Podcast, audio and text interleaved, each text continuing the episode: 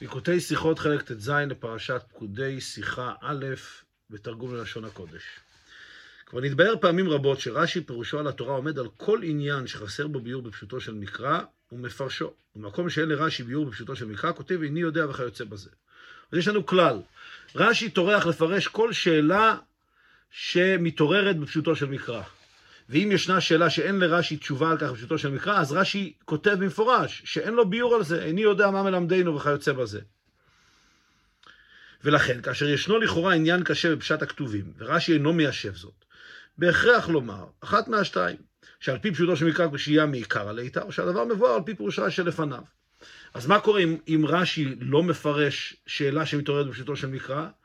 אז זה יכול להיות אחד מהשניים, או שבאמת אין כאן שאלה בפשוטו של מקרא, והתשובה לכך היא פשוטה ומובנת מעצמה, או שאם אנחנו נדקדק בפירוש רש"י לפני כן, נראה שכבר רש"י תירץ את השאלה. והנה בפרשיות האלו ישנו עניין שלא מובן על פי פשוטו של מקרא, ורש"י אינו עומד על כך פירושו, והוא. פרשיות שלנו, כמובן, ישנה שאלה שמתעוררת מיד בפשוטו של מקרא, ורש"י בכלל לא מתייחס אליה. אז לפני שנקרא את זה מבפנים, מה הם סדר הפרשיות בקשר לבניין המשכן? אז קודם כל יש לנו בפרשת תרומה ותצווה, וגם חלק בפרשת כי תישא, יש לנו את הציווי של הקדוש ברוך הוא למשה רבינו ביחס לבניית המשכן, לאיסוף התרומות, לבניין המשכן בעצמו, בגדי הכהונה וכלי המשכן וכולי. אז זה פרשיות שלמות שעוסקות בציווי של הקדוש ברוך הוא למשה רבינו. אחר כך יש לנו בויקל פקודי את ה... איך שמשה רבינו מביא, מוסר את הציווי לבני ישראל, גם כן מפורט בפרטיות, את כל הציוויים מפורטים, איך שמשה רבינו אומר אותם לבני ישראל, ואז שוב פעם, פעם שלישית התורה חוזרת ומפרטת איך שבני ישראל אכן קיימו את הציווי, שוב פעם בפרטיות, איך שהם קיימו את המשכן ואת כליו וכל כלי, בדיוק כפי שהקדוש ברוך הוא ציווה אותם. וזה כמובן דבר שמעורר תמיהה עצומה בשלטו של מקרא. למה התורה צריכה לחזור על כל פרטי עשיית המשכן שלוש פעמים. פעם אחת בציווי, שזה בתרומת תצווה, ואחר כך שוב פעם במסירה של הציווי לבני ישראל, ואחר כך שוב בקיום הציווי. כפי שהרבא כעת אה, ישאל. פרשת ויקל מתוארת הכתוב מסירת ציווי השם על תרומת המשכן על ידי משה רבנו לבני ישראל. כולל כל הפרטים שבדבר, קחו מאיתכם תרומה וגומר, הציווי על דבר הבאת זהב וכסף גומר למלאכת המשכן, ולאחרי זה הציווי לעשיית המשכן וכליו, ואף הם לכל פרטיהם. אז בויקל אנחנו לומדים על מסירת הציווי שהקדוש ברוך הוא ציווה את משה רבנו, הוא מוסר אותם לבני ישראל.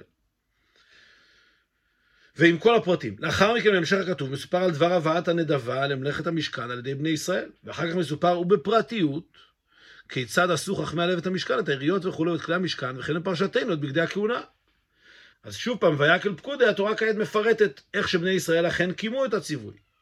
ולכאורה, הרי די היה אילו נאמר בכתוב בקיצור, שמשה מסר לבני ישראל את כל ציווי השם על נדבת ועשיית המשכן, שפרטיהם מבוארים בארוחה בציווי השם למשה בפרשת תרומת צווה ותישא. ולאחרי זה, ויעשו בני ישראל ככל אשר ציווה השם את משה. אז למה צריך, היה אפשר לומר שמשה רבינו מסר את הציווי שהקדוש ברוך הוא ציווה אותו, מסר את זה לבני ישראל, כן? ויאמר משה אל בני ישראל ככל אשר ציווהו השם, כן? וכיוצא בזה, ואחר כך ויעשו בני ישראל. או הרב אומר אפילו יותר בקיצור, ויעשו בני ישראל יכול להיות שציווה השם את משה, לא צריך אפילו למסור, לא, לא צריך אפילו להוסיף את העובדה שמשה רבינו מסר את הציווי לבני ישראל.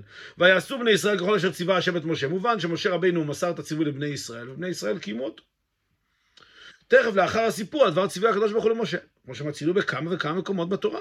וכן בפרשיות אלו גופה. יש לנו הרבה מאוד דוגמאות שהקדוש ברוך הוא מצווה את משה רבנו, ואחר כך כתוב, ויעשו בני ישראל כאשר ציווה השם את משה, בלי לספר שמשה רבנו ציווה את בני ישראל, ובלי לספר איך בדיוק הם עשו את זה. ולשם מה יש צורך להזכיר שוב את כל הפרטים, הן בסיפור הכתוב על מסירת הציווי לבני ישראל, והן בכתובים המתארים את מילוי הציווי בפועל. אז זה כמובן שאלה של, בפשוטו של מקרא, ולא מוצאים שרש"י מתייחס לשאלה הזאת. ובפרט, על פי מה שכתב רש"י בריש פרשת ויקל, ופירשתי לדבת המשכן ומלאכתו במקום צוואתם. שגם בדברים אלו עולה שאין בפרשיות אלו משום חידוש נוסף על הפרשיות הקודמות, עד שלא היה לרש"י מה להוסיף כאן בפירושו. שעל פי זה מתחזקת התמיהה, אם כן, בוודאי לא היה כתוב צריך לשנות ולשנות ולשלש את כל פירוט העניינים. אומר הרב, אולי היה, היה אפשר לתרץ, אולי יש כאן איזשהו חידוש, שכאשר התורה מספרת את מסירת הציווי, שמשה רבנו מוסר את הציווי לבני ישראל, אולי התורה מתארת פרטים חדשים, עניינים חדשים, שנתווספו למה שמבואר לפני כן. אבל הרב אומר, רואים מרש"י במפורש, שלא נוסף, נוסף כאן שום עניין חדש. כי הרי אם אילו היה נוסף עניינים חדשים, רש"י היה צריך לפרש אותם, להבהיר אותם. ורש"י אה, מיד בתחילת פרשת ויקל אומר, כבר פירשתי נדבת המשכן ומלאכתו במקום צוואתם, כלומר, הכל כבר מפורש, אז אין כאן איזושהי תוספת משמעותית למה שנאמר לפני כן. אז אם כן, כמובן, שזה דבר תמוה, למה התורה צריכה לחזור על זה פעמיים. אז שוב מסכם הרבה, האמור שאלה פשוטה פשוטו של מקרא, שכמה מפרשי התורה עמדו עליה, ואילו ברש"י לא מצינו כל הסבר לזה, לא בתחילת העניין פרשת ויקל, לא בסיום העניין פרשתנו. זו שאלה פשוטה מאוד, רואים באמת שמפרשי התורה, אה, כמה מהם באמת עוסקים בשאלה הזאת, ואילו רש"י מתעלם מכך לגמרי. בפרט שלפני זה פרשת תישא עמד רש"י לפרש הטעם שחזר כתוב על כמה תיבות ספורות, הפסוק לא תבשל גדי בחלב אמו, ששלושה פעמים כתוב בתורה, בא בשעה שכאן ישנם הכפלות ארוכות של כמה פרשיות, ורש"י לא מפרש על זה מאומה. אכן, אה, ביחס לפסוק קצר, לא תבשל גדי בחלב אמו, רש"י מיד מתייחס לכך שהתורה חוזרת על זה שלוש פעמים, ומבאר למה צריך לכתוב שלוש פעמים. ואילו כאן התורה חוזרת על פרשות, פרשיות שלמות שלוש פעמים, ורש"י לא מפרש שום דבר.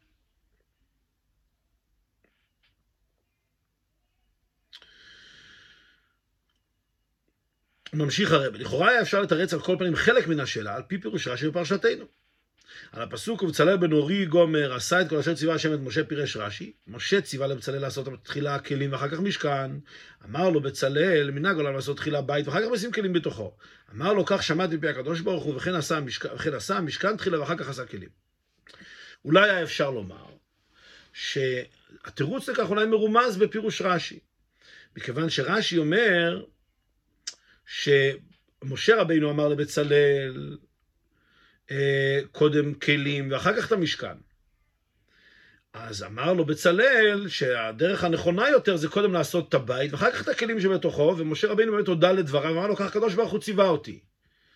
אז אולי זה מה שהתורה מנסה לרמז לנו כאן, ועל פי זה היה אפשר לתרץ שזהו הטעם לכך שבעשיית המשכן בפועל הוזכרו שוב כל פרטי המשכן וכליו, כי דווקא על ידי זה נדע שבצלאל הפך את סדר הדברים כפי שהוא בציווי בפרשת תרומה, ועשה את המשכן תחילה ואחר כך את הכלים.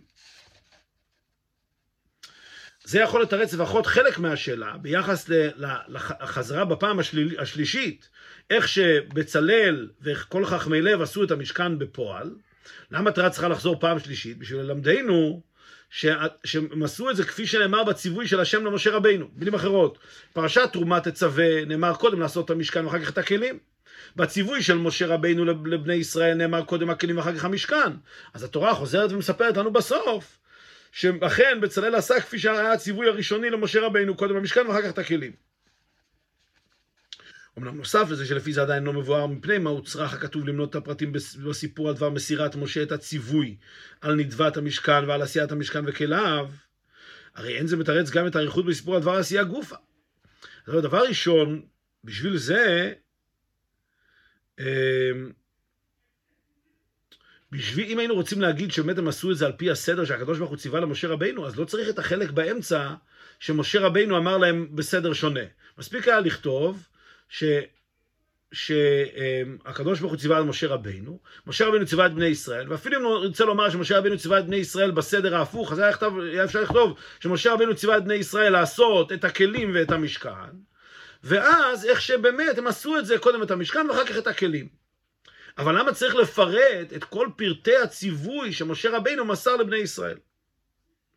אז נוסף לשאלה הפשוטה הזאת, שלמה צריך פה להאריך בפרטי מסירת הציווי, אבל גם הסיפור על דבר העשייה גם כן לא ברור. אם, אפילו אם אנחנו רוצים לומר שהם עשו את זה לפי הסדר הנכון והמדויק, עדיין לא ברור. א', לשם כך היה די בחלק הסיפור שבתורה, מלמדנו שעשו תחילה את המשכן, ורק אחר כך התחילו בעשיית הכלים. ואילו הסיפור על דבר עשיית הכלים, בפרט על דבר עשיית בגדי הכהונה, המתואר בפרטיות פרשתנו, הרי לא היה בו שום שינוי וחידוש בעשיית בצלאל. אז בשביל זה היה מספיק קודם כל לתאר פשוט, שבנו קודם את המשכן ואחר כך את הכלים. לא היה צריך כל כך לפרט. אבל בפרט, במה שקשור לבגדי הכהונה, שזה בכלל לא קשור לשאלה הזאת, לכל הדיון הזה, מה עושים קודם, ודאי שלא היה צריך לפרט בפרטיות, והתורה כן מפרט איך הם עשו את בגדי הכהונה.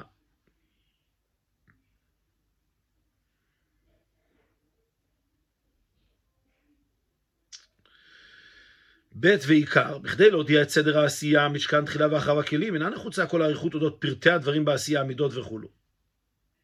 אז דבר ראשון, למה התורה בכלל צריכה להיכנס לפרטים או, או לסיפור עצמו של בגדי הכהונה אמ, וגם עשיית הכלים, בדיוק איך שזה נעשה, כל זה לכאורה לא, לא חשוב. אבל אפילו אם נרצה לומר שמשום מה התורה כן רצתה להגיד לנו את, בדיוק את סדר עשיית הדברים, אבל למה צריך להיכנס לכל פרט ופרט? מספיק שנאמר שהם עשו את הכלים, את המשכן, את בגדי הכהונה. אז כמובן שהשאלה הזאת, לכאורה לא מתורצת בפירוש רש"י, ולכאורה תמיהה גדולה. רבי כאן מציין בהערות שיש מפרשים, שהתורה רצתה כאן להראות לנו איך שבני ישראל באמת עשו את זה בצורה מדויקת על פי הציווי של הקדוש ברוך הוא למשה רבינו. אבל גם, שוב פעם, בפשוטו של מקרא, זה לא מובן, אפשר פשוט לכתוב, ויעשו בני ישראל ככל אשר ציווה השם את משה, שזה אומר שהם עשו את זה בדיוק בצורה המדויקת כפי שצריך. יתרה מזו, לאחר הכפלות הפרטים הנ"ל, בבואנו על הכתוב פרשתנו והביאו את המשכן על משה. אז כאן שאלה נוסף כאן עוד פרט שלישי. ג' הכתוב מפרט שוב את כל פרטי הדברים של המשכן וכליו. ד' רק לאחרי זה מסיים הכתוב ככל אשר ציווה השם את משה כן עשו בני ישראל את כל. את כל העבודה. אז עכשיו הרב מוסיף כאן עוד שני תמיהות. בעצם יש כאן עוד איזושהי פעם רביעית שחוזרים על כל העניינים. אחרי שבני ישראל עשו את המשכן, אז מפרטים עוד פעם, ויביאו את המשכן אל משה, ושוב פעם את המשכן, אותו לא, את מכסהו, את כל הפרטים של המשכן. זה בעצם מעין פעם רביעית שמפרטים את הדברים. ורק אחרי כל זה כתוב עוד פעם, אחרי שראינו שבני ישראל עשו בדיוק כפי שצוו, אז שוב פעם התורה חוזרת, ככל אשר ציווה השם את משה, כן עשו בני ישראל את כל העבודה, יש כאן ממש חזרה, אה, דברים שחוזרים על עצמם פעם ועוד פעם. אז כמובן שהדברים האלה תמוהים מאוד, ותמוה ביותר, למה רש"י לא מתייחס לזה. אז כפי שהרבא אמר מקודם, התשובה לכך צריכה להיות תשובה פשוטה ומובנת מעצמה, או מובנת מפירוש רש"י שלפני כן. אומר הרבא, והביור הזה בפשטות. המשכן וכליו הם מהעניינים הכי עיקריים וחביבים אצל בני ישראל, שלאדם הייתה השראת השכינה בבני ישראל וכו'. ומה עוד? שהמשכן נקרא כפירוש רש"י פרשתנו משכן העדות, עדות לישראל, שוויתר להם הקדוש ברוך הוא על מעשה העגל, שהרי אישרה שכינתו ביניהם. אז אנחנו יודעים שהמשכן זה מהדברים הכי עיקריים והכי חביבים אצל בני ישראל. קודם כל, ועשו למקדש שכנתי בתוכם, הקדוש ברוך הוא שורה בתוכם על ידי עשיית המשכן, והעובדה שזה גם כן כפרה ותיקון לחטא העגל, אשר מזה מובן עוד יותר גודל החביבות והעניין הכללי שבזה, שכן חטא העגל היה החטא הכי גדול וכללי שגרם להסתר פנים הגדול ביותר של הקדוש ברוך הוא, עד לגזירת הכליה רחמנא ליצלן בני ישראל. עד שאפילו לאחר הסליחה אמר הקדוש ברוך הוא, ויום פוקדי ופקדתי. כאשר מבינים ש, שהמשכן הוא בעצם גם כפרה על חטא העגל, חוץ מזה שיש שם את השראת השכינה, אז מובן עד כמה זה דבר גדול ונפלא, כי הרי חטא העגל היה חטא כללי ונורא, שגרם גם להסתר פנים כללי ונורא, עד כדי כך שהיה חלילה גזירת אה, כליה על בני ישראל. ואפילו אחרי שהקדוש ברוך הוא סלח להם, עדיין אנחנו אומרים, ויום פוקדי ופקדתי עליהם חטאתם, שהקדוש ברוך הוא עדיין צריך כביכול להשלים את התיקון לחטא העגל. מובן שזה חטא כללי ביותר, הסתר פנים כללי ביותר, אז בין מובן גודל החביבות שיש במשכן, שזה התיקון העיקרי לחטא העגל. ומזה מובן לאידך גיסא שהמשכן שעל ידו אישרה שכינתו ביניהם הוא עניין כללי ונעלה עד מאוד. אז היות וחטא העגל דבר כל כך כללי ונורא, ואילם והסתר כזה גדול, אז התיקון שלו בוודאי הוא גם כן דבר כללי ונעלה עד מאוד. אומר למובן שחביבות יתרה זו למשכן לפני הקדוש ברוך הוא בני ישראל, היא הטעם לכך שהכתוב מונה את כל פרטי המשכן וחוזר עליהם על כל פרטיהם כמה פעם ופעמיים כולו. אומר הרב כעת הדבר מובן בפשטות. הסיבה שהתורה חוזרת ומונה בפרטיות פעם ופעמיים ושלוש את כל פרטי העניינים של המשכן, זה פשוט מכיוון שהמשכן הוא דבר חביב אצל הקדוש ברוך הוא וחביב אצל בני ישראל. הוא חביב אצל הקדוש ברוך הוא, מכיוון שבכך הקדוש ברוך הוא אה, אה, מוחה לבני ישראל על, על חטא העגל בזכות המשכן. זה מראה עד כמה זה חביב לקדוש ברוך הוא, וכמובן כתוצאה מזה זה חביב גם על בני ישראל, ולכן התורה חוזרת ומונה את זה. למה רש"י לא צריך לפחות להגיד לנו את הפרט הזה? שהתורה חוזרת על כל ענייני המשכן, מכיוון בגלל החביבות היתרה שיש להם. לכאורה זה עצמו מה שהיה צריך לפרש.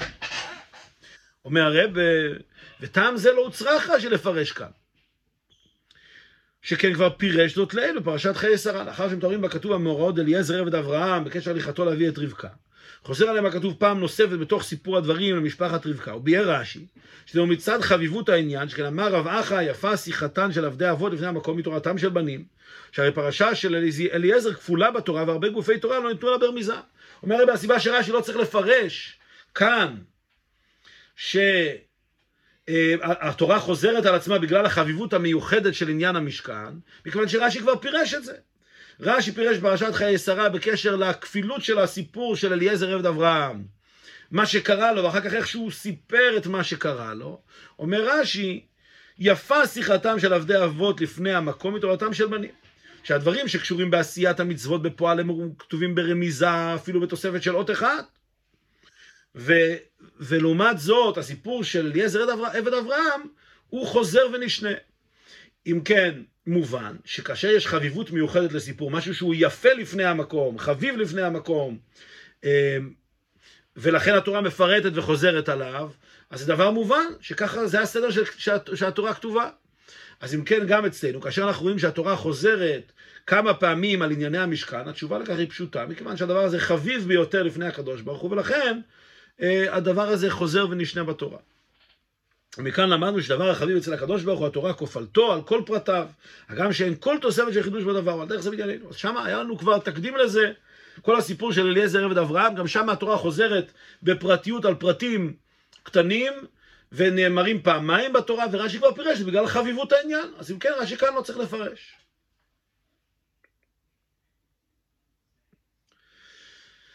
אבל שואל הרב, יש כאן עדיין בעייתיות מסוימת. הרי מה, מה רש"י פירש בפרשת חיי שרה? שיפה שיחתם של עבדי אבות מתורתם של בנים.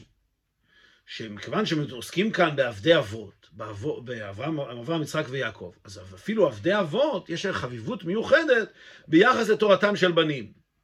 אבל כאן הרי אנחנו לא עוסקים בעבדי אבות, בענייני המשכן אנחנו עוסקים בתורתם של בנים.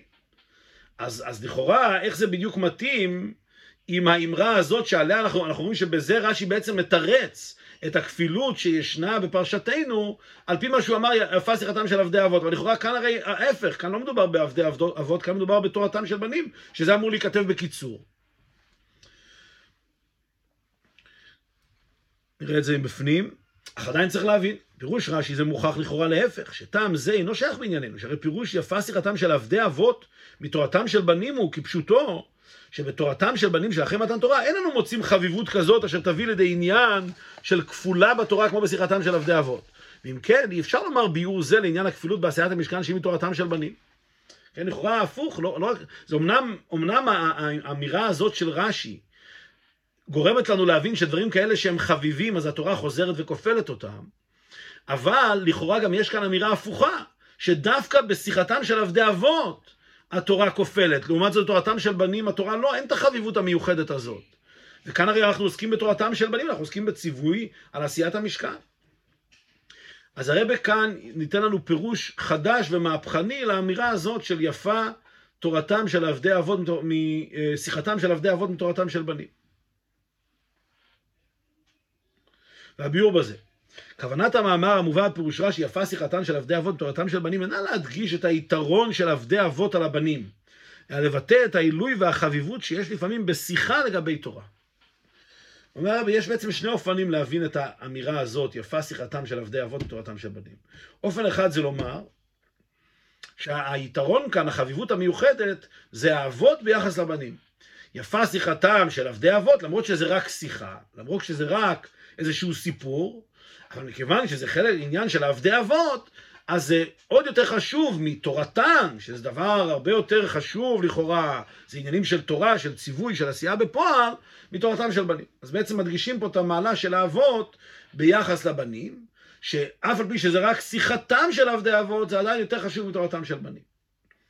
אבל אומר רבי, יש אופן אחר ללמוד את זה, שהרב אחא כאן במאמר הזה לא בא להדגיש את המעלה של האבות על הבנים, אלא בא להדגיש את המעלה של שיחה ביחס לתורה. אנחנו אומרים ככה, יפה שיחתם, השיחה והסיפור של הדברים היא יפה למרות שהיא של עבדי אבות, למרות שהיא רק של העבדים. אבל אף על פי כן, היא עדיין יש בה יופי ויש בה יתרון מיוחד מתורתם של בנים, מהתורה. יש כאן מעלה בשיחה על גבי התורה, ולא רק מעלה באבות על הבנים.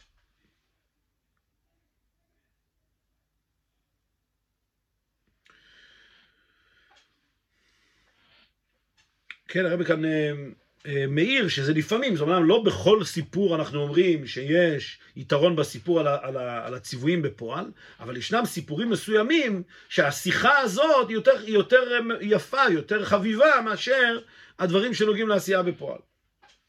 כפי שהרבי מסביר כעת.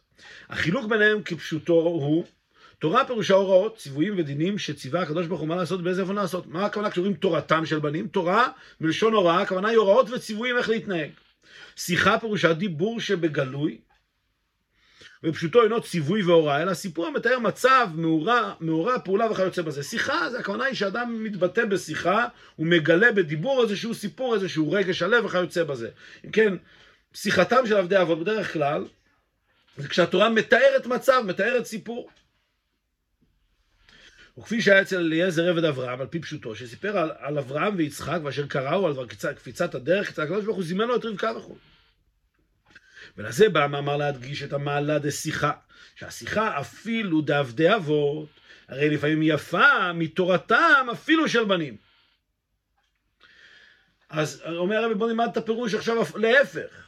ההדגשה כאן זה לא שעבדי אבות הם, הם נעלים יותר מהבנים. ההדגשה היא לומר שהשיחה, שהסיפור לפעמים יש בה חביבות מיוחדת, למרות שזה רק של עבדי האבות. שזה אנשים שהם בדרגה נמוכה יותר בוודאי מהבנים. ואף על פי כן, מכיוון שזה שיחתם, יש בזה מעלה מיוחדת על תורתם של בנים. על פי זה יובן גם עניין הפרשיות של לפנינו, שאחרי פרשיות תרומה ותצווה, שלא באו למסור ציוויים והוראות כיצד ומה לעשות. ושאלמלא נאמרו לה היינו יודעים על דבר זה, התורה מספרת בהם פרטיות ובארוחה כיצד משה, מסר משה רבנו לבני ישראל את כל ציווי השם בעניין מלאכת המשכן, ואיך שקיימו את זה בפועל וכולו. היינו שזהו עניין של שיחה. וכיוון ששיחה זו היא בנוגע למשכן, חביבה היא כל כך, עד שבשל כך היא מובאת באריכות ובכל הפרטים באופן הכפולה בתורה. אם כן אומר הרי בהדגשה בדברי רש"י, פרשת חיי שרה, זה לא רק המעלה של האבות על הבנים, של עבדי אבות על הבנים, אלא בעיקר המעלה של שיחה, שלפעמים שיחה כזאת שהיא חביבה, היא קודמת לתורתם של בנים. ולכן כאן, מכיוון שהציווי, איך שמשה רבינו מסר לבני ישראל את הציוויים על המשכן, ואיך שבני ישראל קיימו אותו בפועל, זה עניין של שיחה, זה בעצם סיפור המעשה, איך הדברים התרחשו. אבל מכיוון שזה דבר חביב במיוחד, אז יפה שיחתם מתורתם. וזה באמת רש"י לא צריך לפרש, כי רש"י כבר הסביר לנו שהשיחה לפעמים יכולה להיות יפה יותר מאשר התורה. וכפי שהרבה כאן בביור הזה, שצריך להדגיש שזה הביור כפי שהוא מבואר בשיחה הזאת, במקומות אחרים, אה, לומדים את זה כפשוטו, שלפעמים יש מעלה בשיחתם של עבדי אבות, יש מעלה ב, אה, בדברים שקשורים באבות יותר מאשר בבנים. אבל כאן בשיחה הזאת הרבי מבאר ביור מחודש, שיפה שיחתם של עבדי אבות, הכוונה היא שלפעמים יש מעלה בשיחה על התורה, מכיוון שהשיחה הזאת היא חווה ביותר. וממילא כאן, זה ההדגשה בסיפור שלנו, ולכן רש"י לא טורח לפרש. שהנה יש לנו כאן שיחה, יש לנו כאן סיפור של איך הדברים התרחשו, ולפעמים בשיחה הזאת יש מעלה גם על דברי התורה, גם על ההלכות וההוראות המפורשות של התורה. המשיך הרי בעל פי זה מובן הטעם שהזכיר רש"י פרשת חיי שרה את שמו של בעל המאמר רב אחא. רבי יחא, שזהו כאן דובר כמה פעמים מפני ששמו של בעל הממרה מביא לידי תוספת ביור בהבנת הפירוש. כעת נבין גם למה רש"י אה, מפרט אה, את שמו של בעל המאמר, שרש"י תמיד נוקט את שם הבעל הממרה רק כאשר זה מוסיף בהבנת הדברים. כי בהעתקת השם רבי יחא מתבאר תוכן המאמר יפה שיחתם של עבדי אבות חונו, שההדגשה בו אינה ביתרון עבדי אבות על הבנים, אלא במעלת השיחה וכן הטעם לכך שייתכן שתהיה יפה שיחתן מתורתן. וזה שרש"י מצטט את בעל המימרה, שזה רבי יחא, הוא בעצם מרמז לנו מה הפירוש הנכון של הדברים. שזה לא רק המעלה של העבדי אבות על הבנים, אלא שזה בעיקר, בעיקר המעלה של שיחה לגבי תורה.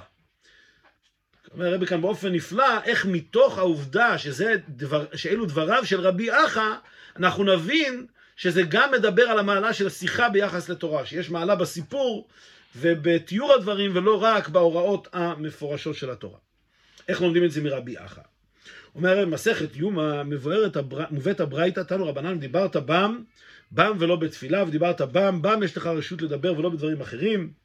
רבי יחא אומר ודיברת בם עשה אותם קבע ואל תעשם ארעי. אם כן, הברייתא אומרת, מה, מה, מה התורה מדגישה ודיברת בם, כן, והיו הדברים האלה, ואחר כך ודיברת בם, ההדגשה בם זה בם ולא בתפילה, בם ולא בדברים אחרים. אז שהעיסוק והדיבור של האדם יהיה דווקא בעניין של תורה. רבי יחל, רבי יחל לומד משהו אחר, ודיברת בם, לא הכוונה שלא יעסוק בדברים אחרים, אלא שיעשה אותם קבע ולא יעשה אותם ארעי, שהם יהיו דבר קבוע. ודיברת בם, זאת אומרת, זה הקביעות שלך. ולכאורה, מזה שרבי יחא עוסק בדבריו רק בחיוב ושלילה בנוגע לדברי תורה, עשה אותם קבע ואל תעשה מרעי, ואינו מזכיר על דבר שלילתם של דברים אחרים כדברי הבר פלוגתא שלו לעיל שם, ודיברת בהם ולא דברים אחרים. משהו של רבי יחא, בדברים אחרים אינה חלה השלילה. אבל הייתכן שלדעת רבי יחא ישנו יותר לדברים אחרים בטלים? מה צריך פה להבין? התנא קמא של הברייתא, מי שחולק על רבי יחא, אומר, ודיברת בם ולא בדברים אחרים. בפשטות הכוונה היא, ולא לדבר בעניינים שהם לא דברי תורה, בדברים בטלים. רבי יחא בר אומר לא, הוא יש לו לימוד אחר, ודיברת בם שהם יהיו קבע ולא, ולא דברים אחרים יהיו קבע. לכאורה, אז מה סובר רבי יחא, שמותר לדבר דברי, דברים בטלים? שכאשר כתוב ודיברת בם, לא הכוונה שצריך רק לעסוק בדברי תורה, אלא שמותר גם לעסוק בדברים אחרים, זה הרי תמוה, ודאי שרבי יחא גם סובר שאסור לבטל תורה ודיברת בם ולא בדברים אחרים. אז למה רבי יחא חולק פה על המימרה הראשונה של הברייתא, ואומר ודיברת בם שרק הם יהיו קבע, ושלא יהיו ארעי. בעצם ההדגשה לפירוש רבי יחא זה לא לשלול משהו אחר, אלא זה לשלול שדברי התורה יהיו קבע ולא יהיו בבחינת ארעי. וזה לכאורה תמוה, מה, מה, מה עם עניין, עניין של דברים אחרים, של דברים בטלים? איך זה שהוא לא שולל את הדברים הבטלים?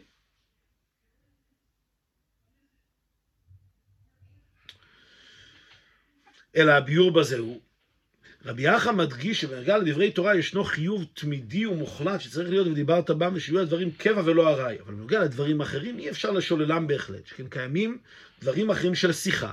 אמנם אין אלה דברים אחרים בטלים, אבל גם אין זאת תורה, היינו שאין דברים אלו הוראות ציוויים ודינים וכל השייך לזה, אלא דיבורים וסיפורים וענייני התעוררות. וממילא יכולה אף שיחה כזאת להיות יפה, ועד כדי כך, עד כדי שיחה שהיא יפה מתורתן. אומר, חייבים לומר שכשרבי יחא אומר, ודיברת בם שרק הם יהיו קבע ושלא יהיו ארעי, והוא לא שולל דברים אחרים. למה, רש, למה רבי יחא לא שולל דברים אחרים? מכיוון שלדעת רבי יחא, יש באמת לפעמים יתרון ומעלה מיוחדת בדברים אחרים, ולכן אין לשלול אותם. מה זה דברים אחרים? לא חלילה דברים בטלים.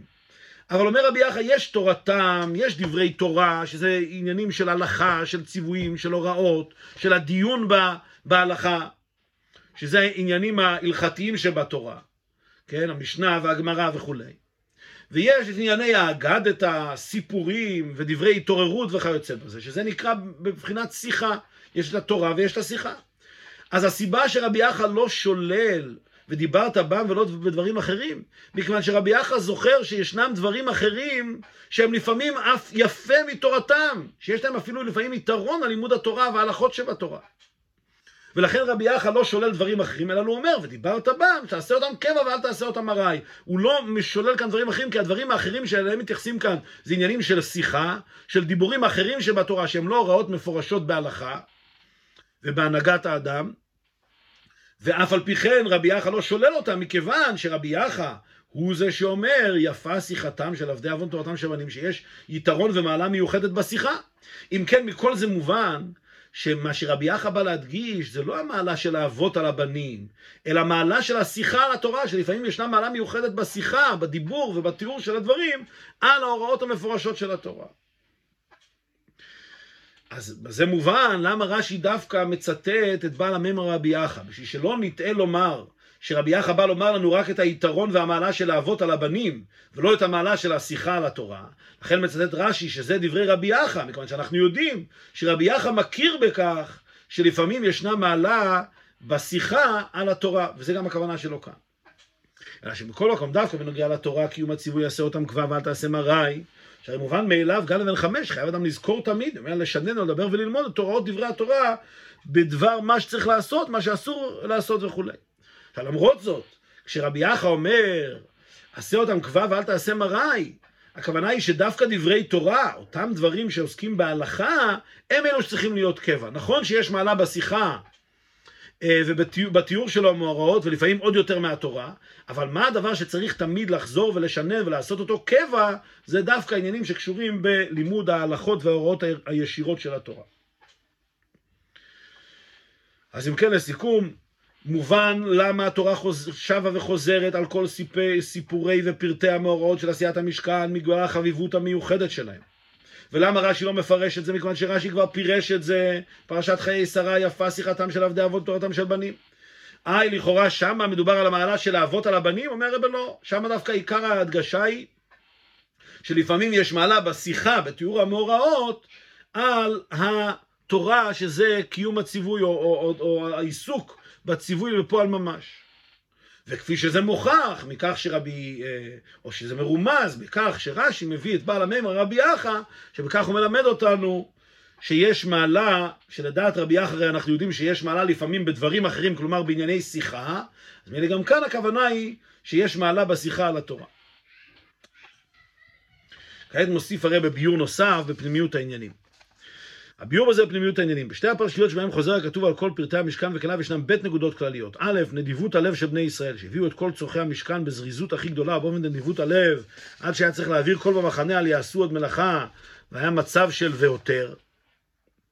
אז כאשר אנחנו באמת חוזרים על הדברים, אז מה אנחנו מדגישים כאן?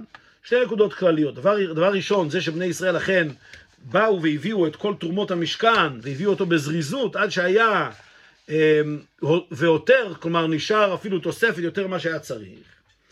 אז זה הסיפור הראשון של קיום הציווי של בני ישראל בשמחה ובזריזות, וב' קיום ציווי השם על ידי חכמי לב שעשו את מלאכת המשכן וכליו ככל אשר ציווה השם, אז זה גוף אשר ציווה השם את משה. נקודה שנייה זה העובדה שאכן לא רק הם תרמו, כל בני ישראל תרמו את המשכן, אבל חכמי הלב באמת עשו במדויק ככל אשר ציווה השם את משה. ובפרטיות יותר רואים אנו התקללות בבית הנקודות הנ"ל.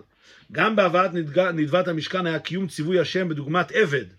ויקחו לי תרומה מאת כל אשר ידבנו ליבו גומר, קחו מאיתכם תרומה גומר, ועל דרך זה גם במלאכת כל חכמי לב נתקיים נשאו ליבו. אז בעצם ככה, הנקודה הראשונה זה נדיבות הלב, והנקודה השנייה זה קיום הציווי. בפשטות, זה שני דרכים בעצם, שני נקודות בעבודת השם. יש את עבודת הלב, כשאדם עושה דבר בנדיבות ובשמחה ובהתלהבות, ויש את המילוי של הציווי בפרטיות ובמדויק כפי שהאדם צווה. אז בחלק הראשון רואים בעיקר את נדיבות הלב, בחלק השני של חכמי לב רואים את המילוי המדויק של, של הציווי, אשר ציווה השם את משה. אבל, אומר הרבה, בפועל רואים שיש כאן התקללות של שני הדברים. אמ,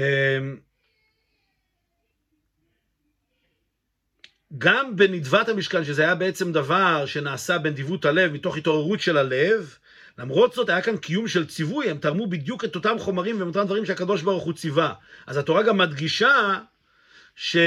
שיש כאן ציווי של הקדוש ברוך הוא. יותר מזה, הציווי של הקדוש ברוך הוא הוא מאת כל איש אשר ידבנו ליבו. שזה יעשה בנדיבות הלב. אז אם כן, הנדיבות הלב כאן היא לא רק עניין של איזושהי התעוררות והרגשה של שמחה וזריזות, אלא זה קיום ציווי של הקדוש ברוך הוא. הקדוש ברוך הוא רצה שניתן את זה בנדיבות הלב, אנחנו נותנים את זה בנדיבות הלב. אז גם באותו עניין של נדיבות הלב, שזה להיות דבר כזה ספונטני וטבעי, יש כאן קיום של ציווי, יש כאן איזשהו אה, עניין של עבד, של מילוי הבקשה של הקדוש ברוך הוא. ולעומת זאת, גם בעשיית המשכן, שהכל כאן זה עוסק בעיקר בפרטים ובקיום המדוקדק של הציווי של הקדוש ברוך הוא, למרות זאת, התורה מדגישה שזה כל חכמי לב, כל אשר נשאו ליבו, שהיה כאן גם כן איזשהו עניין של נדיבות הלב, של עשייה בשמחה ובהתעוררות. על פי זה מובן שישנם בזה בית העניינים שיחה ועבדי אבות.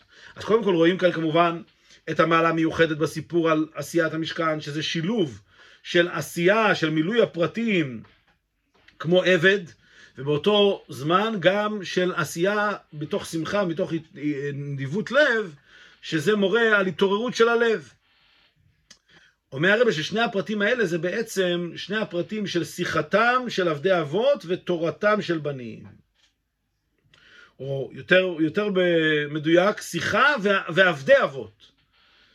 כי בעצם אנחנו רוצים כאן לומר שגם בעשיית המשכן יש לנו שיחתם של עבדי אבות. כי הרי רש"י כבר רימז לנו יפה שיחתם של עבדי אבות ותורתם של בנים, אז עד עכשיו ביארנו שעשיית המשכן זה שיחתם, יש פה את המעלה של שיחה.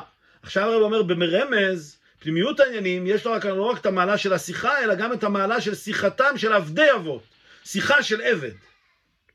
לפי זה מובן שישנם בזה בית העניינים שיחה ועבדי אבות. שיחה קשורה, עם, קשורה ללב, שהרי השיחה הוא עניין התפילה, כמאמר רז"ל תפילה, הרי, אה, כמאמר רז"ל. כן, שיחה אנחנו הרי יודעים שזה תפילה. כן, כמו שכתוב לגבי יצחק, ויצא יצחק לסוח בשדה ואין שיחה על התפילה. אז שיחה אם כן זה עניין של תפילה, ותפילה זה עבודה שבלב, תפילה הרי עבודה שבלב. ואילו עבד מדגיש את עניין קיום המצוות, שהרי זהו תוכן העבד לקיים ציווי האדון. אז עבד זה עניין של קיום, של קבלת עול, של מעשה בפועל במדויק. שיחה זה עניין של רגש הלב, עבודה שבלב. אז כאשר אומרים יפה שיחתם של עבדי אבות, מדגישים פה שהמעלה הכי גדולה, היופי הכי גדול, זה כאשר יש שילוב בין עניין השיחה לבין עבדי אבות, בין עניין של נדיבות הלב לבין הקיום המדוקדק בפועל.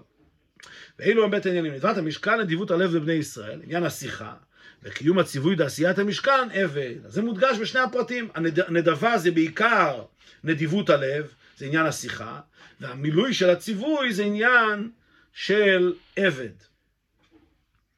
וצריך להיות התקללות בבית עניינים אלו, שקיום המצוות, עניין העבד, צריך להיות ביחד נדיבות הלב, ומאידך בנדיבות הלב צריך להיות ניכר ומורגש שזהו מצד ציווי הקדוש ברוך הוא. אז אם כן, מה שרש"י פירש פרשת חיי שרה, יפה שיחתם של עבדי אבות ותורתם של בנים, זה בעצם מרמז ממש במדויק על החזרה של הסיפור המשכן כאן במשך כמה פעמים.